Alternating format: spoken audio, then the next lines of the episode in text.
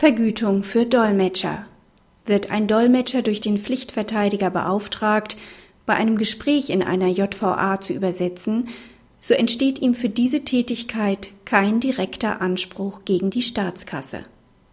Laut Oberlandesgericht Düsseldorf hat sich der Dolmetscher an seinen Auftraggeber zu halten, im entschiedenen Fall also an den Pflichtverteidiger.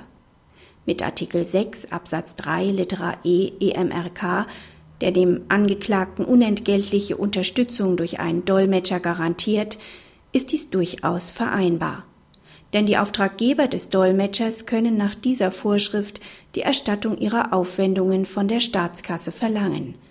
Da ein entsprechendes Kostenfestsetzungsverfahren nach 464b StPO auch isoliert bereits während des noch laufenden Verfahrens durchgeführt werden kann, sind Verteidiger und Beschuldigter auch nicht zwangsläufig zum Einsatz eigener finanzieller Mittel gezwungen. Praxishinweis Der Anspruch auf unentgeltliche Beiziehung eines Dolmetschers gilt für das gesamte Strafverfahren und daher auch schon für vorbereitende Gespräche mit einem Verteidiger im Ermittlungsverfahren.